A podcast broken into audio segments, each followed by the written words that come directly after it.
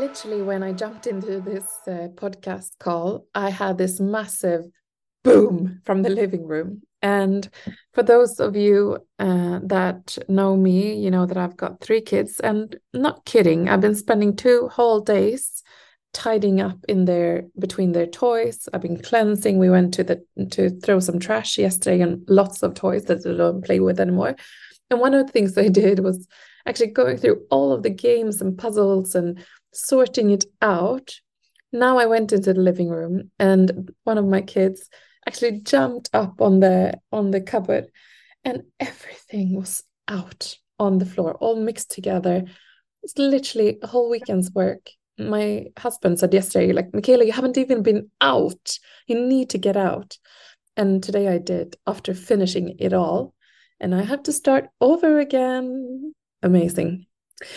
So that was my weekend. I hope yours is better. Now, when you listen to this, it's Tuesday and we are um, producing another podcast. And this week we are talking to one of the Feminvest ambassadors, Julia Granat. She is based in Gothenburg. Hi, Julia. How are you? Hi, I'm good. So happy to be here. I think your weekend might be a little bit better than mine. yeah, well, it's been beautiful weather here in Gothenburg. So I've been out a lot. So nice. That's something I haven't done. Well, I've been out once now. So, but you host every Monday at 12 o'clock, you host this Monday news. Can you tell us a little bit about that? Yeah, so it's called a Måndagsaktier. So every Monday we have this um, kind of relaxed webinar where we talk about the stock market and like the current finan- financial situation. So um, I would really recommend you to join. Uh, we usually have a little bit of a presentation and then we talk about the different themes every week.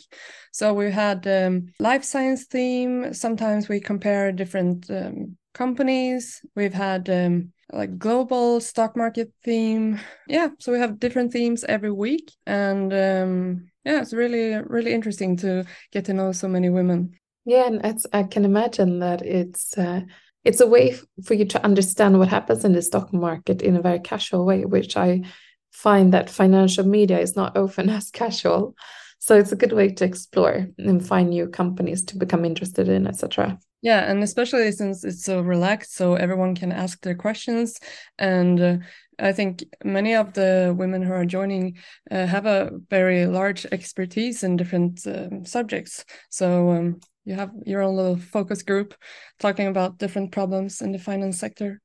Talking about relaxed i think that one of the things that has been affecting the, the financial markets is the fact that you know it feels like war has creeped upon us in uh, different ways. Obviously we've got the massive hit in the middle east uh, that happened uh, after the last podcast was uh, published and uh, I just simply want to say that my heart goes out to all of the women, men, kids that are hit in different ways by this conflict. And it's just not fair, right? For all the people that get affected and killed. It's absolutely horrible. Um, it started with the Russian Ukraine conflict and now this. So it's a really special situation we're living in. Yeah, yeah, yeah, exactly. And I, I was thinking about like how come because it's like a one thing happens and then you're like, oh wow, this is bad, and then a second and a third and a fourth, and then you're like, can it really? Can anything else really happen? And um, I'm I don't think that it's a coincidence that those kind of conflicts are also coming up to the surface when when financial markets are crumbling no, it's it makes it a, a much harsher climate, I think, for everyone. And I had a very concrete uh, story from the week where my sister-in-law actually she moved she was she divorced just uh, a year ago so she bought her first own like flat. And uh, when we woke up to the news about the shooting for innocent lady and kid in the south of stockholm we actually recognized her car in the image next to the house because she yeah literally moved in to this super safe family oriented area where there was a shooting now in the last uh, just a few days ago. And uh, the conflict far, far away just becomes super concrete because my kids and her kids were playing in that house um, this summer uh, when they had an, a family party there. So um, yeah, it's uh, it's a tough world and a lot of um, violence actually. I think we always thought that we were protected here in Sweden, but it's creeping us up on us as well. Yeah, it is definitely. So um, I wanted to say that before we jump into some of the uh, stock market conversations that we're going to have. Julia, some of the listeners uh, that haven't been part of the Monday Stock News webinar, how how can they get to know you? Like, who are you? So my name is Julia, like you said, and I'm currently working at Feminvest as an ambassador in Gothenburg. Um, but I'm also studying pharmaceutical chemistry at the Gothenburg University. And uh, besides that, finance and investing is really uh, my greatest passions. Um, so I really like the merge between life science and pharmaceuticals and the stock market and finance. I would love to to merge them completely one day. And I'm especially start a company of your own. You think like innovate something or yeah, that's uh, definitely a dream. There are so many like Gothenburg is really in the center of this life science cluster uh, we have a lot of life science companies in Gothenburg, so it's really a dream to live here. And um, well, how did that interest come? Like, how did you discover it from the beginning?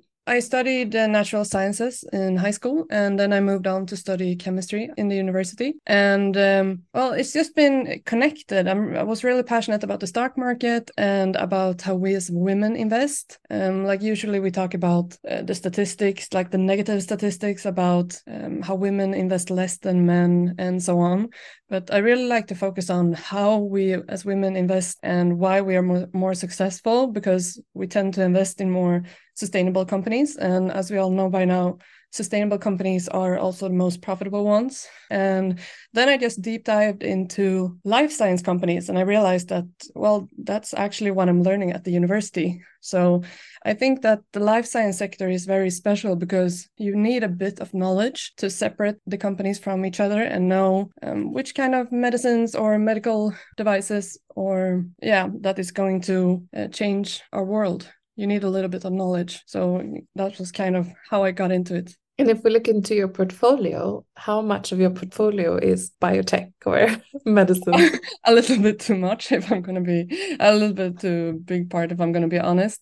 Um, I usually say that you're supposed to have 80% like large, stable companies and like 20%. Uh, I might have a bit more than 20% like playful portfolio, but it's just such a broad interdisciplinary concept.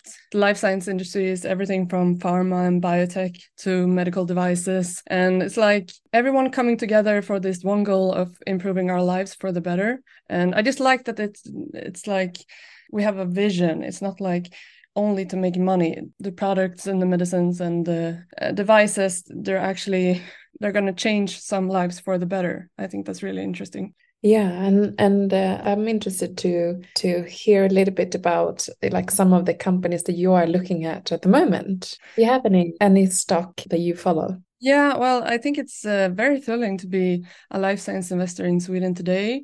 Uh, we have a really like strong tradition of innovation, so it's so many interesting companies, especially here in Gothenburg. Um, I usually check like in Gothenburg we have um, GU Ventures and Chalmers Ventures. It's like this. Uh, these hubs that connect the universities and um, like for the so the best ideas can come to life and be commercialized. And um, yeah so I, I have a lot of companies in my portfolio but the one i'm looking at right now is novo nordisk. I'm doing an analysis for, with um, astrazeneca and novo nordisk at this week's uh, måndagsaktier oh that's really exciting. And you know novo nordisk is on the danish uh, stock market and i would say that it's like literally like almost 50% of the Danish stock market because the value of Novo Nordisk and together with Maersk, it's the Danish stock market, literally. yeah, it's, it's one of the largest companies overall in Scandinavia. Um, they are really a world leader when it comes to um, diabetes, biotechnology, and biomedicine. Um, their biggest product or their biggest sector is they produce insulin for diabetes treatment. Um, so that's their biggest product. And um, well, it's a company that's been with us for a very long time. It's over 100 years old and just recently it sailed up as being one of Europe's largest listed companies. So um, the market value has really exploded these last years. And they had some positive news in the last uh, couple of weeks as well that made the stock uh, soar slightly because it, the company is valued so high. But they actually ended a clinical trial. Yeah, so one of their clinical trials were um, aborted. I don't really know the reason, but um, they also had. Um... They saw a positive outcome. So they quit the trial one year in advance as mm. they saw that they are so confident in that it will actually and it's a it's a product called Ozempic. Uh, oh yeah, yeah, yeah kidney failures, and they are so confident that that it was successful, so they could quit it one year in advance, and that's why it, it was positive. You can actually quit those clinical trials in advance if it's failing as well. Yeah, I read about Ozempic. Ozempic is this um, semaglutide, I think, that we prescribe for type 2 diabetes and weight loss. And um, it's been, really been skyrocketing in Novo Nordisk popularity these last weeks. Yeah, it's um, it's very interesting, and uh, you obviously we we we have an Anglo-Swedish um, pharmaceutical company as well in AstraZeneca. How would you describe it, like the from a just shallow perspective, the differences between the two? Um, yeah, so um, Novo Nordisk is uh, more specialized in like the diabetes community and the diabetes sector. Uh, it's also much larger than AstraZeneca. During like the first nine months of this year, Novo Nordisk sales increased by like 33%. Um, AstraZeneca has also skyrocketed uh, during the the pandemic. They produced uh, the vaccine, so that's they really made the total Swedish export for pharmaceutical really skyrocketed because of the um, vaccine sold by AstraZeneca. Mm, yeah, one can only imagine. When I cleansed the, the wardrobe and the cupboards today, I came across two um, tests, COVID tests. Yeah. I don't know, should, should one keep them or throw them away by now? I have a feeling we will have more pandemics to come, um, but the question is if it's going to be the same uh, the same test that we're going to use. One positive news, I think, for for the retail investors, if you look at if you look at the the global stock market, is that companies are IPOing again. Initial public offering, they are getting listed, and this is uh, has been uh, something that a lot of companies has been avoiding in the last years. Uh, but there are two quite interesting uh, brands that a lot of people know about that been IPOing. And one of them, oh, one has been IPOing. And I'm talking more mostly about the Swedish market now. Uh, for the second brand, but the first one is Birkenstock, and um, it's been quite impressive how the company has grown in the last ten years. Like it's uh, it's been growing exponentially, and they used the IPO to actually pay off some debt. So they raised uh, $495 million in the offering. Uh, and obviously, they want to continue the growth. And uh, also, it's not so amazing to have a lot of loans. So I'm, I'm sure they they are strategically getting rid of this as soon as they can too. Do you have a pair? Of course. Who doesn't yeah. love who doesn't love Birkenstocks? What color? Beige. Like perfect for like the summer getaway. Uh, I'm actually going to Cap Verde this uh, this month, so I'm definitely bringing them. Have you bought the stock? It went down a little bit. No, I didn't. Like like I said, I'm mostly focusing on life science stocks. Um, but uh, Birkenstock is definitely a lifesaver. yeah. It's it's kind of interesting how they built the culture around Birkenstocks. It's kind of like um, iPhone. You don't say like, "Oh, I have a phone" anymore. You say, "Oh, I have an iPhone." It's kind of like with um, and talking about iPhone, Steve Jobs owned a pair of Birkenstock and they sold it on auction last year. Do you know for what price? Do I want to know? $208,000. So uh, uh, you kind of helped me in bridging into that topic quite easily. It's so interesting how they build a culture around one single product, like how one product can carry a whole company.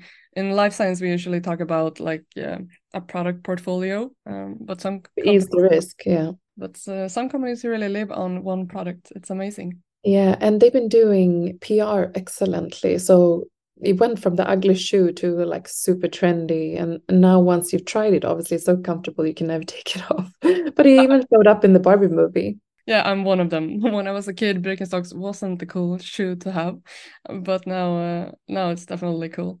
Another company that is going uh, public in a few days time is rusta. Yeah we made an analysis of rusta actually in uh, måndagsaktier a few weeks back. Uh, i think it's such an interesting company because so many of us have heard of it and we see it daily my husband uh, uses head and shoulders shampoo oh. not paid advertising but he is obviously like whenever I see a Rusta, I all, all because buying the shampoo in, in the shops here in central Stockholm is like crazy expensive.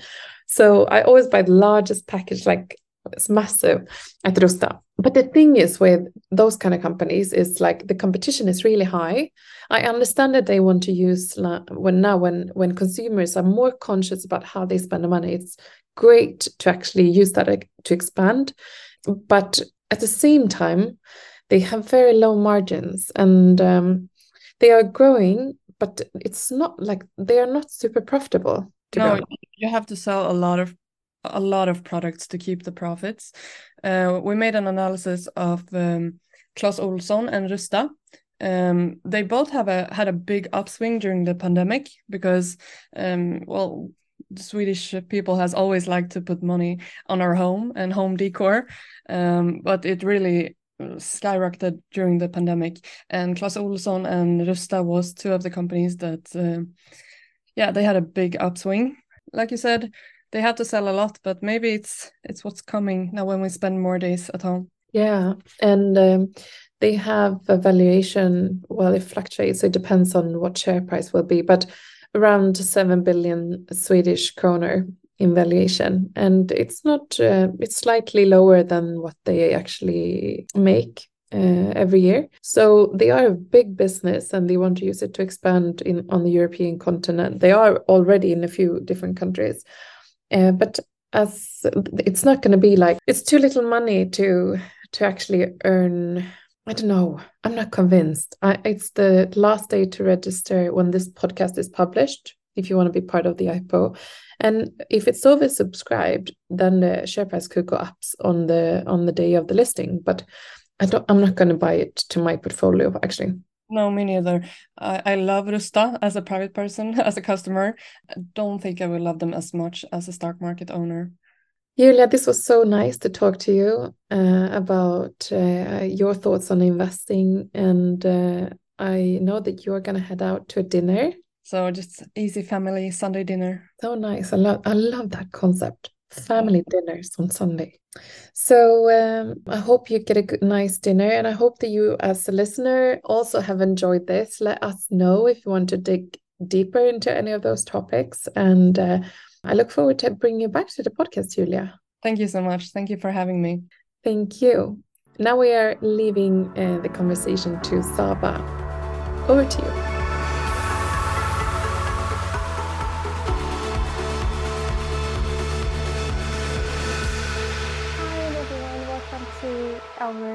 Episode of this Feminvest podcast. My name is Saba and I will be the host. And today with me, I do have a truly inspiring guest joining us, someone who has an entrepreneurial journey which is deeply rooted in creativity, craftsmanship, and a passion for finding things in life. Our guest today is Johanna Hampf, the creative founder of PotteryJo, a brand that is redefining everyday dining with this tableware that she's actually creating, uh, with a unique story with pieces that she creates for today and for tomorrow. And she has a journey with lots of challenges that she has overcome and lessons that she will be happy to inspire us with and share with us today. Welcome to this podcast, Johanna. Thank you. In today's conversation, I'm trying to explore the origins of PotteryJo and the significance of the background of it and how you actually started in Portugal and you started your journey and the philosophy that drives your brand and so much more. Yeah. And it will be filled with insights and inspirations and challenges to share with us. So let's dive into the conversation and uh, start with you as a creative founder. How did you do that? Tell us more about you and your start of the journey. Okay, so uh, well, I'm born in the in the northern part of Sweden, where uh, there was not so many people uh, around me, and there was a lot of time in nature, and um, I love that. But I had a, an urge to uh, explore quite early in life, and knew that I really loved beautiful things and surround myself with beautiful things. I also have the um, interest in all creative processes, I guess, from textile to uh, furniture or whatever it was. I was always doing something in school and off school as well. So I, I moved to Stockholm when I was 16 and uh, I was fully committed to study on Konstfack, you know, the university for bachelor in, uh, in design and interior yeah. design but I never um, got accepted there. I was uh, actually just uh, you know the few that they, they didn't select in the in the final like final 18 they selected 12 of them and I wasn't in one of those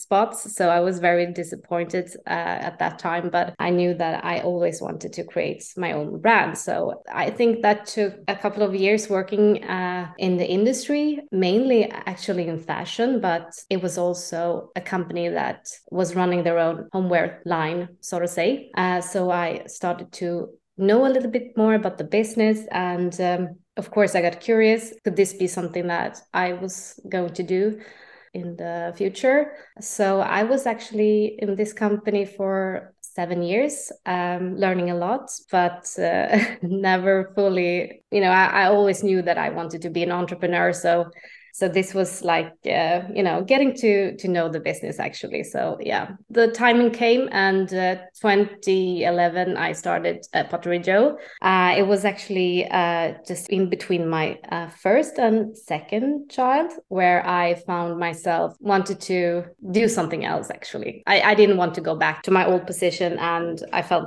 this is the timing. So yeah i started you felt like you, a perspective on life in a different way? Yeah. This is interesting to actually point like like how what did you feel? What was the feeling that made you i think it was more start? that now i have the opportunity because i was a home mom you know? Uh, i had like a little salary uh, to come around and uh, to have some more time to build up what i tried to do. So i think it was more that i know that many other women has a similar um, story from the time that they are home. But I, I don't know if this is the same. But I started to actually sketch on my business plan quite early, and uh, I know that I had several ideas in the in the start. It wasn't always supposed to be dinnerware, so it could be like I had two options in the end that I could have done as much. But I but I chose this, uh, and I think that I never regret it. So uh, it, it feels very good, and um, I think also my idea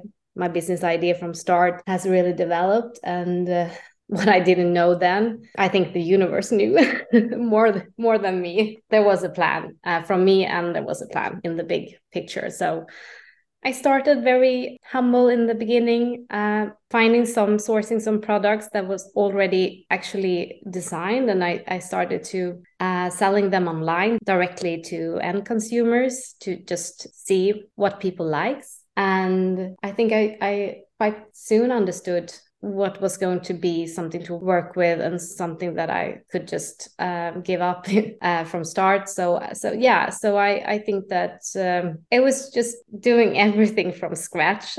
I actually sat down to reflect a little bit before my talk with you today, and. Yeah I think that is a very good thing to do, actually, to reflect once in a while, because things really happen along the way, and and and sometimes you need to go back and you and uh, remind and yourself, of course, of what, what yeah, happened. You learn, yeah, you learn from that. So, so yeah, I, I think that I didn't know that much about the industry from start. I didn't know, you know, I I, I didn't know anything about everything connected to production in the materials that we use. I have learned so much and this is what i love about my work actually is to learn and to really dive into things and, and matters that you don't feel secure in. I think that this is the thrill of it and i think that as long as you are very curious and open-minded and also uh, ask for help once in a while uh, i think it's just going to turn out quite good uh, in the end. You ha- don't have to be an expert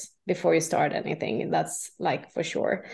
So, um, so I think that's that was my approach and and um, and then of course i had to learn everything else you know when when you're starting off and you're by yourself and you're doing everything it's the same for everyone and and you were talking about this digital you know the tiktok things that's going really crazy really right now. And we're not on tiktok PotteryJo is not on tiktok yet. So we have to um you know there's always this thing uh for me after 10 years of running my business is like I, I can do so much more. I mean i'm just um, sometimes overwhelmed with all the things that i could have you know. So it's a lot about prioritizing i think all the time every day what is most important right now short term long term uh, also yeah to think about yeah the perspective of things i would like to know more about the digital world and and everything that you can do with um, social media and everything like that but uh, yeah I, I, think um, that I, I, leave it to the experts because i can't i can't like dive into that things no. because really it's like another world and it's not my main um, interest I'm never gonna be like super devoted to it because it's it's not really my main interest. So that's actually important to to know what your weaknesses and what your strong sides are. And yeah, you are the creative person, but mm. that that really brings something to the table because you need to have a team that will be able to bring to the table the things that you are yeah. probably not yeah you lack or you're yeah. not like as strong as they are in. So this brings me to the question: you were I mean mm. you founded PotteryJo in 2011. Yeah. Um, and being a creative person, you knew exactly what you wanted to do with the tableware that you were developing. But when did you recruit your first employee? And what qualifies that employee to be part of the team? Well, um, so I think first, my first employee was a salesperson. Uh, she's still with us. So we hired her in, I think it was 2017 or 18. So it was a couple of years where I didn't have anyone. You know, I was almost always, we had like the warehouse um, externally, and we have worked with a PR agency um, that was also you know monthly um, but we didn't have an, an, an employee. So that was like the first time that it, we we made that commitment you know. It felt much more real then you know um, because you you're giving somebody else their salary every every month and yeah so she's still she's still here. And and i think that I always had this um, idea about, you know, the first person that you hire that it has to be a very loyal person. So um, this is something that i value her for a lot because starting a company she didn't uh, she didn't have that great you know salary in the beginning. And so we had to really uh, work together. Um, and i think that to have the understanding about building a brand from not from scratch because she came in when, when it was already established but i couldn't handle the sales myself and i don't like to sell. That's not my i can sell but it's it's not what i want to do. So yeah. So i think that uh, when you when you try to create a nice team i think it's important that you complement each other. I mean you don't have to be um, having the same you know interest or uh, certain like ideas about how you look or anything like that. It's just you know how how can you complement each other? And loyalty i think that's super important like honesty and loyalty uh, and uh, you know a happy and mood yeah and sharing the same vision that's the most yeah yeah yeah of yeah. course of yeah. course so you were like alone for three or four years before you had your first employee mm. and, and since then PotteryJo has come a long way um, yeah. what were some key milestones or like turning points if you want to call it that way in your journey that you have been reflecting about yeah. for, for this conversation? I, I, would say you know uh, around 2016 actually when i felt like okay i'm i was not feeling that well because i i worked too much and i had like three small kids and yeah it was it was a struggle. And i know that i felt like i had to either i had to step back you know in my company i have to like um, make it smaller or you know uh, or i should you know grow it. Uh, so i had to i had to ask myself the question do i want to be by myself and run my business like a, a one person thing you know?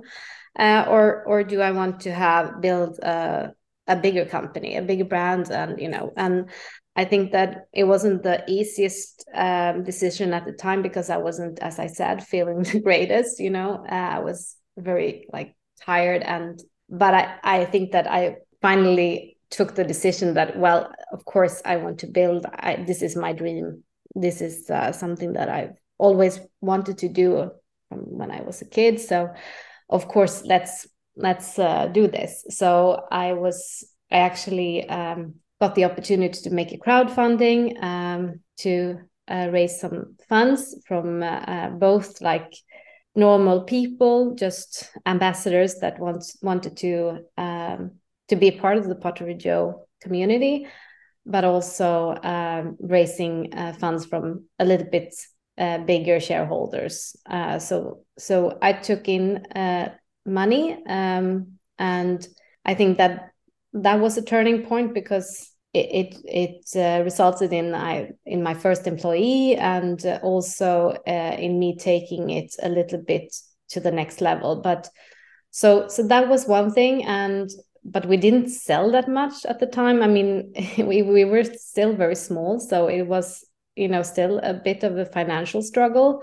A couple of more years, and then um, I think that PotteryJo went uh, more known to a wider crowd in in uh, Sweden with us selling at for example Servera or you know different larger uh, stores as we as we do still now but but so I think that that was um, a turning point when when it comes to sales and and revenue uh, a couple of years later. So I think that was like 2019 or something. And um, from then, I think it, it, has really been a roller coaster. I think uh, many uh, who, who are running their uh, business would agree when we, we are looking back like three, four years. It's like, you know, you never knew anything going into this. Um, into this time because first the pandemic and then going from that to uh, the war and the electricity gas um,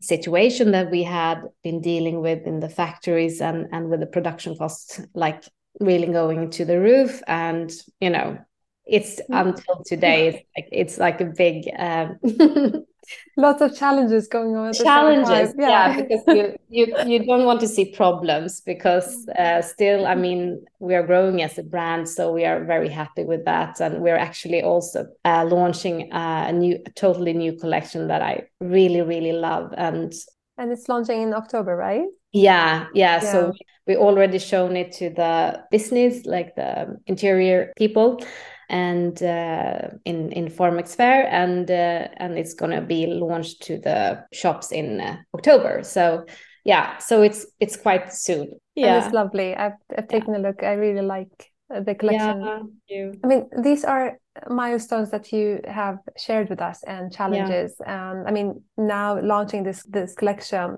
at the same time as like going through an economic crisis uh, yeah. as well.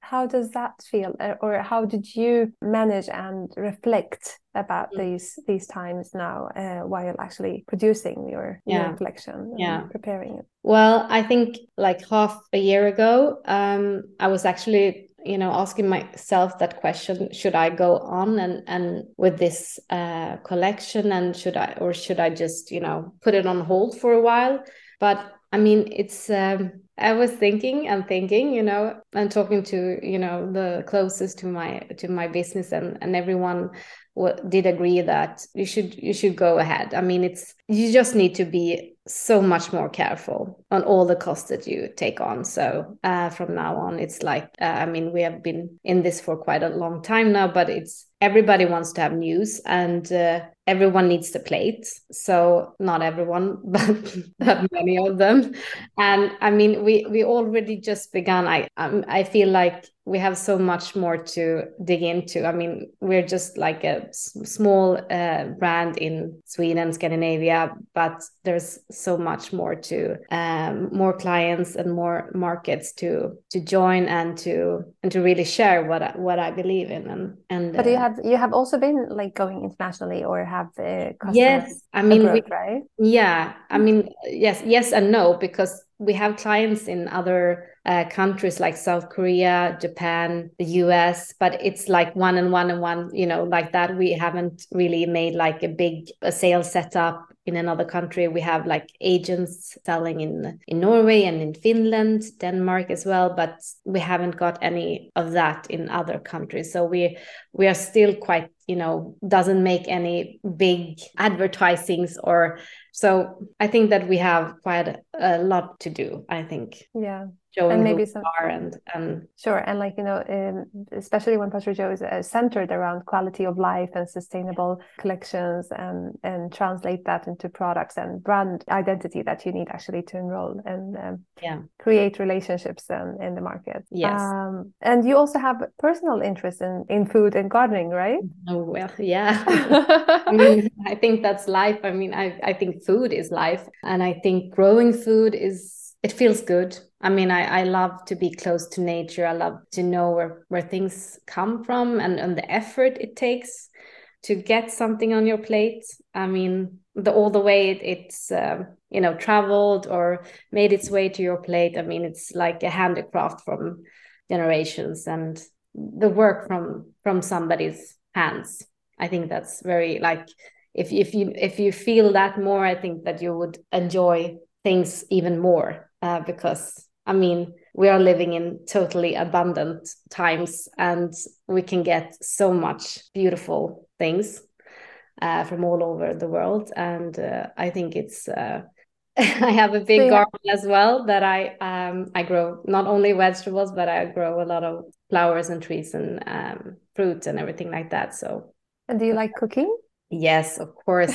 it's like it's like uh, you know it doesn't come separate from those. I think it's you have to cook. I mean, it's uh, uh, so I think that we just uh, I'm I'm starting to plan. We have a little gathering tomorrow and with some friends that we met in Italy this summer, and it's all of course going to be an Italian team tonight uh, or tomorrow night. So yeah so that's uh, i love to plan i love to uh, decorate the table. If i have time i would of course make like some my husband always make his own pasta uh, that is just delicious um, very very simple ingredients. And i think i'm gonna do all the vegetables some fish to the secondi and uh, desserts that's a must.